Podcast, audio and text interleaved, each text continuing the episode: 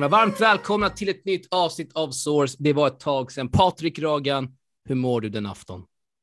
Ja, men jag mår jättebra. Jag tycker det är kul att du har tagit dig energi och eh, till ett nytt poddavsnitt. Det är alltid roligt att snacka tennis. Håller med. Eller hur? Det har varit, så, det har varit Indian Wells och Key Biscayne och det har varit mycket roligt här på sistone, så man har varit riktigt fokuserad på det. Men nu, nu är det över, så nu kan vi podda på kvällarna igen. Det har varit tenniskvällstid annars. Har det ja, varit. Så är det verkligen. Och eh, vi har med oss då återigen ingen mindre än Kajsa Henneman. Kajsa som eh, för några dagar sedan skrev ett eh, väldigt uppmärksammat blogginlägg. Till att börja med Kajsa, hur mår du eh, ikväll? Jo, men jag mår bra tack. Det är eh, roligt att få vara med i eh, podden igen.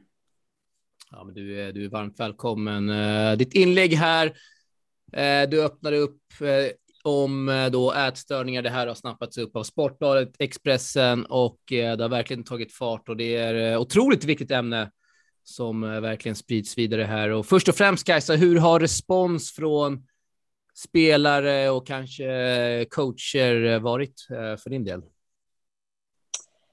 Nej, men jag har fått eh, alltså verkligen jättefin respons. Jag eh, skrev då där blogginlägget och så länkade jag via min eh, Instagram. Eh, och eh, ja, jag har fått sjukt mycket fina meddelanden från många, många spelare, men också både andra tjejer och killar eh, utanför tennisen. Eh, och sen har jag även fått eh, ja, fina meddelanden från andra tränare. och ja, men, andra folk som jobbar eh, inom förbundet. Eh, men jag är väldigt eh, överväldigad av eh, alla fina meddelanden och kommentarer. Det värmer, verkligen och det känns som att det här visar att ingen är ensam i det här och att det verkligen kanske är starten på, på en förändring det, får vi, det får vi verkligen hoppas på. Hur, eh, hur länge har du gått i tankarna om att just skriva ett sånt här inlägg? Ganska, jag, jag har tänkt på det ganska mycket det, det senaste, nu de senaste månaderna. Eh, men sen nu det sista, framförallt då som jag skrev de här månaderna när jag varit lite skadad, så har jag verkligen tänkt mycket och eh, nej men jag har liksom länge känt jag har nästan varit liksom orolig och, och rädd, men framförallt ledsen när jag ser att folk runt omkring mig mår så dåligt. Eh, och jag vet att det finns så många som antingen har haft eller har det mycket, mycket värre än vad jag har gått igenom. Eh, och jag kände att nu får det liksom, nu, nu måste vi verkligen göra någonting åt det. Eh, det, det, känns som att eh, det har nästan gått för långt och det, ja, det känns verkligen inte bra. Så jag började med att skriva ner alla tankar och känslor och, och mycket, ja, men, och mycket saker som har triggat mig och som jag vet triggar andra också. Och till slut så blev det det här inlägget som jag valde att publicera.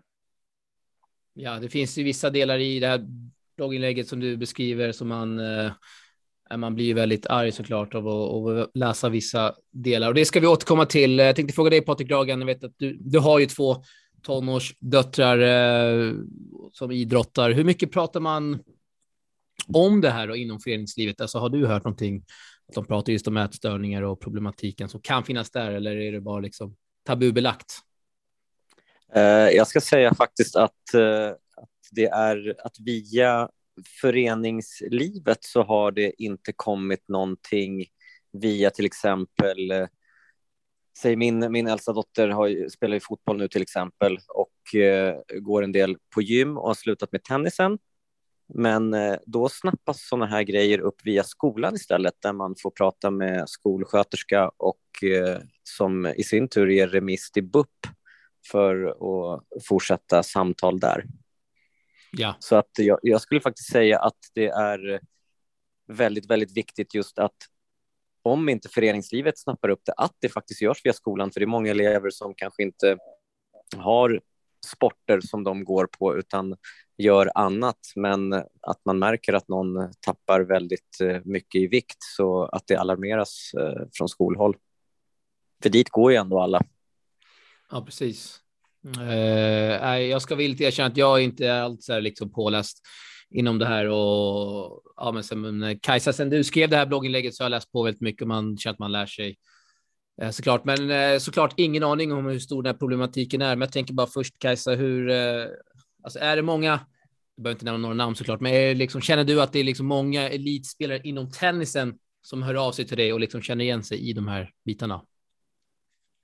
Ja, eh, alltså innan jag skrev det här inlägget så det var ju alltså också en av de främsta anledningarna till varför jag valde att skriva det här är för att jag vet att det finns flera tjejer eh, inom elittennis som antingen har haft eller har eh, problem eh, med ätstörningar eller att de har en skev relation till mat. Eh, men efter jag publicerade det här inlägget så, så har jag förstått att det är ännu, ännu fler som, som har eh, problem och tycker att sånt här är jobbigt. För det är verkligen många som har skrivit till mig och nästan alla är väldigt, väldigt tacksamma att jag eh, ja, men lyfter upp det här eh, ämnet och pratar om det. De är väldigt tacksamma då att eh, om jag skriver om mina historier och att de kan känna igen sig. Men det är även flera som, eh, som du säger, som berättar att de själva kanske eh, har problem och en eh, skev eh, relation till mat. Och att tack vare ja, men att jag uppmärksammar det här ämnet, att de vågar kanske erkänna för både sig själva, men också då berätta för någon annan än sin, eh, sin närmsta familj att de behöver hjälp. Och jag ska inte säga att jag är verkligen inte glad, men det känns bra eh, när jag får sådana meddelanden. För det, det känns som att de kanske vågar liksom göra någonting åt det nu och eh, prata om det mer.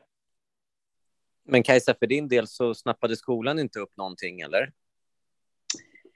Nej, men det var väldigt svårt tror jag för, för dem att göra. Det var, det här var ju sagt när jag var i 17-18 års åldern, eh, när jag hamnade, eller när jag eh, inte riktigt käkade tillräckligt och eh, då var jag inte i skolan så jättemycket. Ehm, så det var svårt för dem att veta och ja, att jag skulle få någon typ av hjälp där. Alltså det kom ju väldigt sena tonåren för din del då. Mm, exakt. Ja.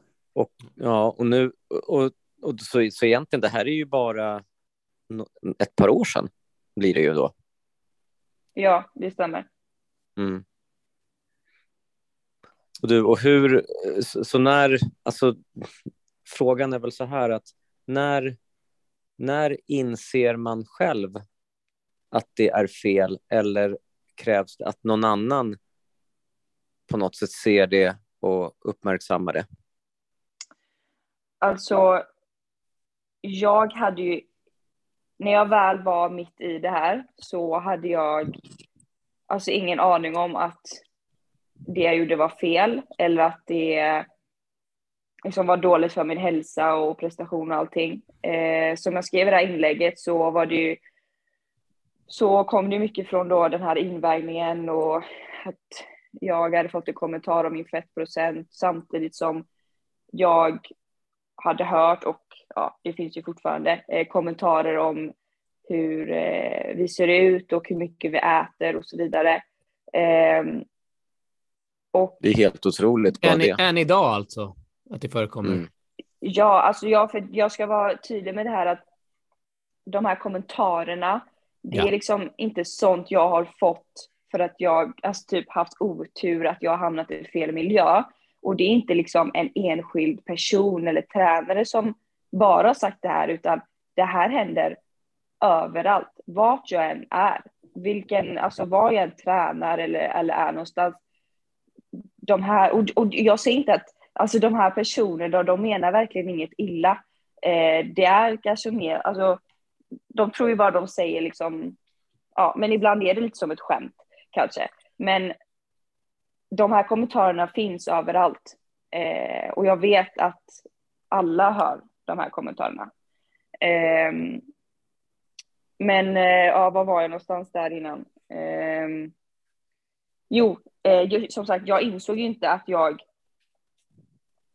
gjorde fel. Jag, eh, alltså, jag är ju ganska så här, plikttrogen och säger någon till mig, du ska, eller ja, att min fettprocent var liksom lite för hög, då, då gjorde jag allt jag kunde för att, för att få ner den. Eh, så jag, visst, jag käkade, men jag käkade inte tillräckligt, för jag fick inte ihop den här liksom, algoritmen att någon säger att jag käkar för mycket, jag ska få i mig mat och träna, men samtidigt ska jag få ner fettprocenten, ja, då måste jag någonstans dra ner på, på det jag äter. Eh, och det var ju verkligen först när jag träffade en riktig kostrådgivare från Sveriges olympiska kommitté som jag insåg att okej, okay, det är så här mycket man ska äta när man tränar så som jag gör. Och det är inte i närheten av vad jag har gjort. Nej, det är skrämmande och höra hur man kan kasta ur sig sådana här kommentarer. Jag hoppas att eh, det här blir en väckarklocka eh, för alla och som eh, vet att du också önskar såklart att det här tas upp på olika tränarutbildningar eh, lika mm. mycket som man eh, tränar upp som man ska lära ja, med kommande tränare och lära ut en forehand och backhand, att man verkligen får kunskap om det här. Eh, har, det varit, eh, har du hört någon, någonting om, eller från förbundshåll eller från något annat håll om att det här kanske redan är på, på gång att eh, aktualiseras? Ja, jag eh, har hört lite eh, från eh, tränare och att det liksom ska börja eh, pratas mer om det här och tas upp som ett, eh, som ett viktigt ämne. Eh, och jag har även eh, hört att det är flera som vill ja, men, prata med mig och kanske diskutera eh, vad man kan göra då för att gå vidare med det här och, och verkligen inte göra det liksom till en engångsgrej, tycker jag, utan det här eh, tycker jag från och med nu ska vara ja, men det ska ingå i liksom en utbildning och som du säger, jag tycker verkligen att alla spelare ska få kunskap om kost eh, och det ska vara lika viktigt som liksom, hur man lär sig en forehand eller eh, ja. Eh, mental träning och allt sånt. Att det som är, är väl, det är kolhydrater man är väldigt dålig på att äta när man hamnar i sådana här situationer, va? Det, det är det man ger upp och så käkar man bara proteiner i princip, eller? Ja, men lite så, för, för det är mycket det som liksom sägs runt omkring och mycket du vet på sociala medier och allting så det, det ges liksom en skev bild om vad som är hälsosamt. Att visst, en, man ska äta hälsosamt, men det innebär liksom att du får i dig tillräckligt mycket med energi och näringsrik mat. Det innebär inte att du ska äta en sallad eh, utan liksom någon kolhydrat här. Men det är det liksom, får man inte en riktig utbildning eller information från någon som kan det här, då tror man ju på det man hör från andra håll. Och om, där, om, om det är någon ja, som säger ja. eller att man läser någonstans att man ska käka en sallad, ja men okej, okay, då gör jag det. Så det är det, det är liksom okunskapen som blir ett problem. Ja. Ja, men det är väldigt viktigt att, att sånt här lyfts fram. Jag hoppas att efter här, ja, men efter att du har efter, efter att det här har kommit upp då, att man till exempel inte gör en kollektiv invägning med tjejer och killar för att det är liksom helt sjukt såklart. Mm. Men eh, om du då, om det är någon tränare som lyssnar på det här och som kanske tränar unga tjejer, unga killar, men i synnerhet och unga, unga tjejer, eh, vad skulle du ge för tips då till den tränaren? Som sagt, alltså jag vet att man verkligen inte säger någonting för att vara elak eller att man på riktigt skulle vilja att vi skulle svälta oss själva. Eh, och jag skuldbelägger verkligen inte någon heller. Eh, men att jag skulle vilja säga att alla de här små kommentarerna, de, vi hör dem och vi, liksom, vi litar ju på, på våra egna tränare och det de säger, det tror vi på ofta. För de, alltså de, det är ändå en, en tränare, de ger tips och råd till oss nästan varje, varje dag och, och bara kommentera liksom något litet om mat eller om utseende och om våra kroppar, det kommer vi lyssna på och tro att det är sant. Eh,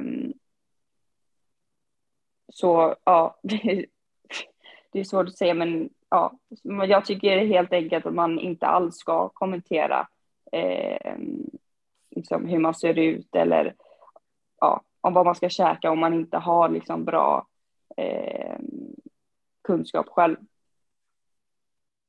Ja, ja.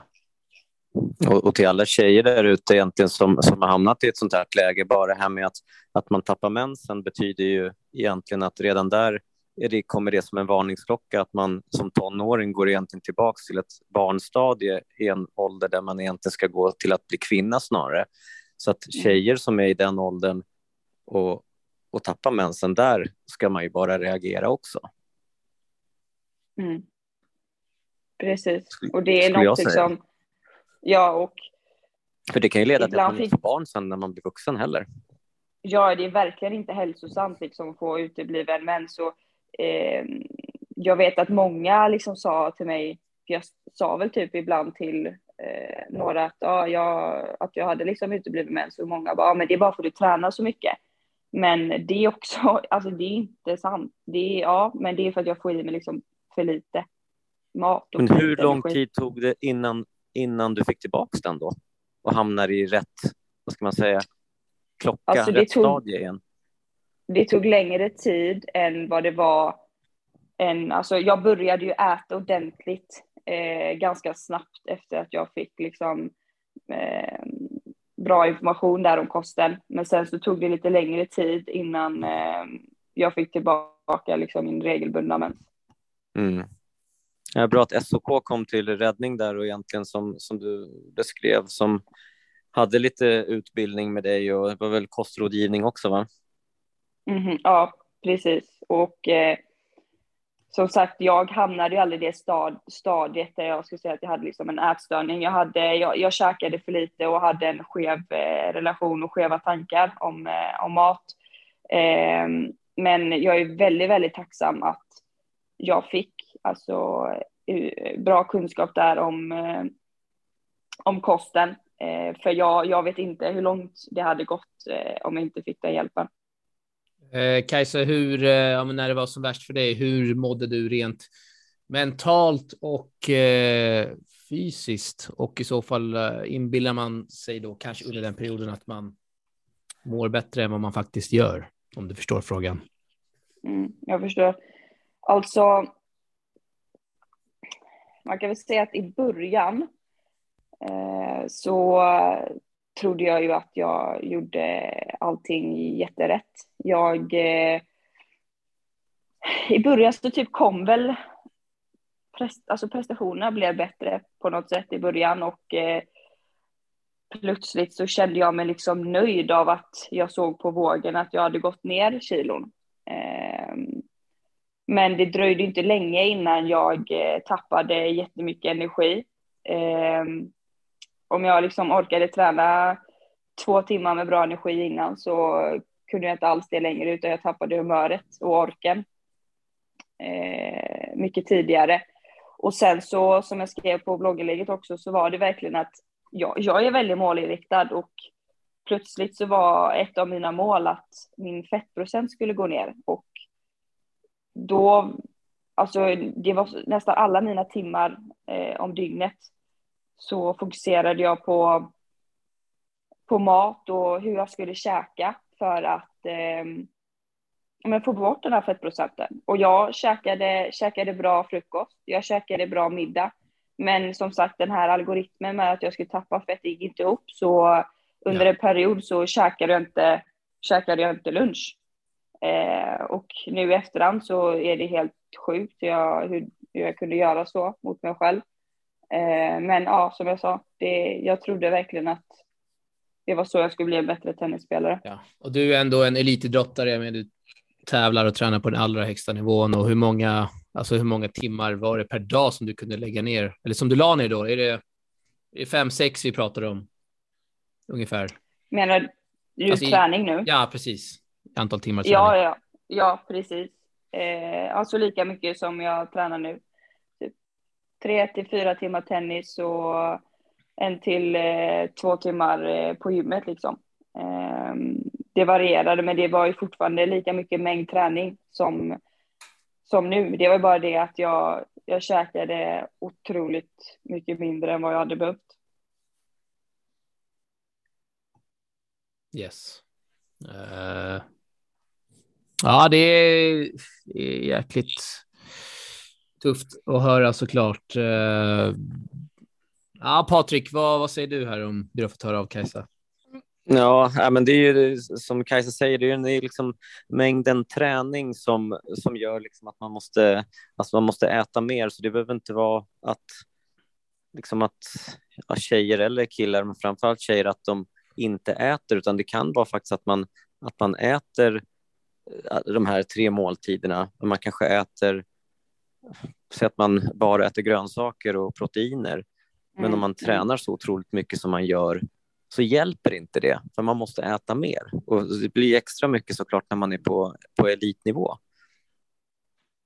Ja, så, att, så det blir liksom, så ät, ätstörningar behöver inte heller vara liksom att det här extrema med att man inte äter alls, utan det kan ju vara just det här med man, man, man, äter, man äter och man äter, äter mycket, men man kanske inte äter rätt, att det har med det att göra. Nej, jag håller verkligen med och det är bra att du säger det för att som sagt, jag själv och det var ju ingen som märkte direkt att eh, jag käkade för lite och jag hade verkligen ingen ätstörning, men jag käkade alldeles för lite och alltså, ja, vissa hamnar i den situationen med eh, riktigt allvarliga ätstörningar, men det finns väldigt många där ute som, som bara som äter, men som du säger inte äter rätt och tillräckligt och det är liksom allvarligt också. Mm, så man hoppas verkligen att, det, att just sånt kommer att uppmärksammas lite mer, precis som egentligen psykisk ohälsa har gjort, som, eh, som ja. har kommit ut eh, främst via, via damtoren och eh, Naomi Osaka då, som var den som lyfte på det ämnet först. Ja, verkligen. Och att eh, vi blir bättre här i, eh, ja, vi kan börja i Sverige, att man eh, man tar upp detta på utbildningar och inom klubbar och ja, allt som har, att göra med vår idrott såklart. Så att eh, superstort tack Kajsa för att du eh, ville ta upp detta för att du eh, ja, men dels eh, lyfter upp det här ämnet och att du har skrivit det här blogginlägget som har gjort att ja, men såklart fler kan få kunskap om allt och eh, ja, stort tack Kajsa. Tack själva. Mm, supertack. Och vi, eh, vi önskar dig lycka till Kajsa. Det är eh, Fed Cup eller Billie Jean Cup som det heter, va? Billie Jean King Cup som väntar. Ja, nästa precis. Vecka. Tack så mycket. Ja, vi åker eh, på torsdag iväg till eh, Antalya och i Turkiet, så eh, jag är riktigt taggad och det ska bli sjukt kul att få spela för Sverige. Spelas det på samma, arena, eller samma banor där som Future-tävlingarna spelas på? Eller? Eh, nej, eh, det är faktiskt eh, en annan eh, anläggning fast det ligger typ eh, tre minuter bort med bil. Det är en träning. Man brukar få träna där när man är där, men mm. eh, det är inte samma. Jag har hört att det finns typ 50 banor där, stämmer det? inte 50, men det är många, lätt 20 alltså. Det är otroligt många matcher som ska spelas, inte bara för... Dragos, Dragos ska ju vara där och spela Future. Han får ju komma och heja ju. Kajsa var ja. ju heja på honom när han spelade. Exakt. Ja, det är bra. Så han är, skyldig, han är skyldig igen där. Exakt. Nej, stort lycka till Kajsa. Stort tack igen för att du eh, kom till oss och pratade om detta. Tack så mycket och tack för att jag fick med. Ja, vi hörs Kajsa. Vi hörs. Tack. Ha det så bra. Hej, hej, hej. Hej, hej.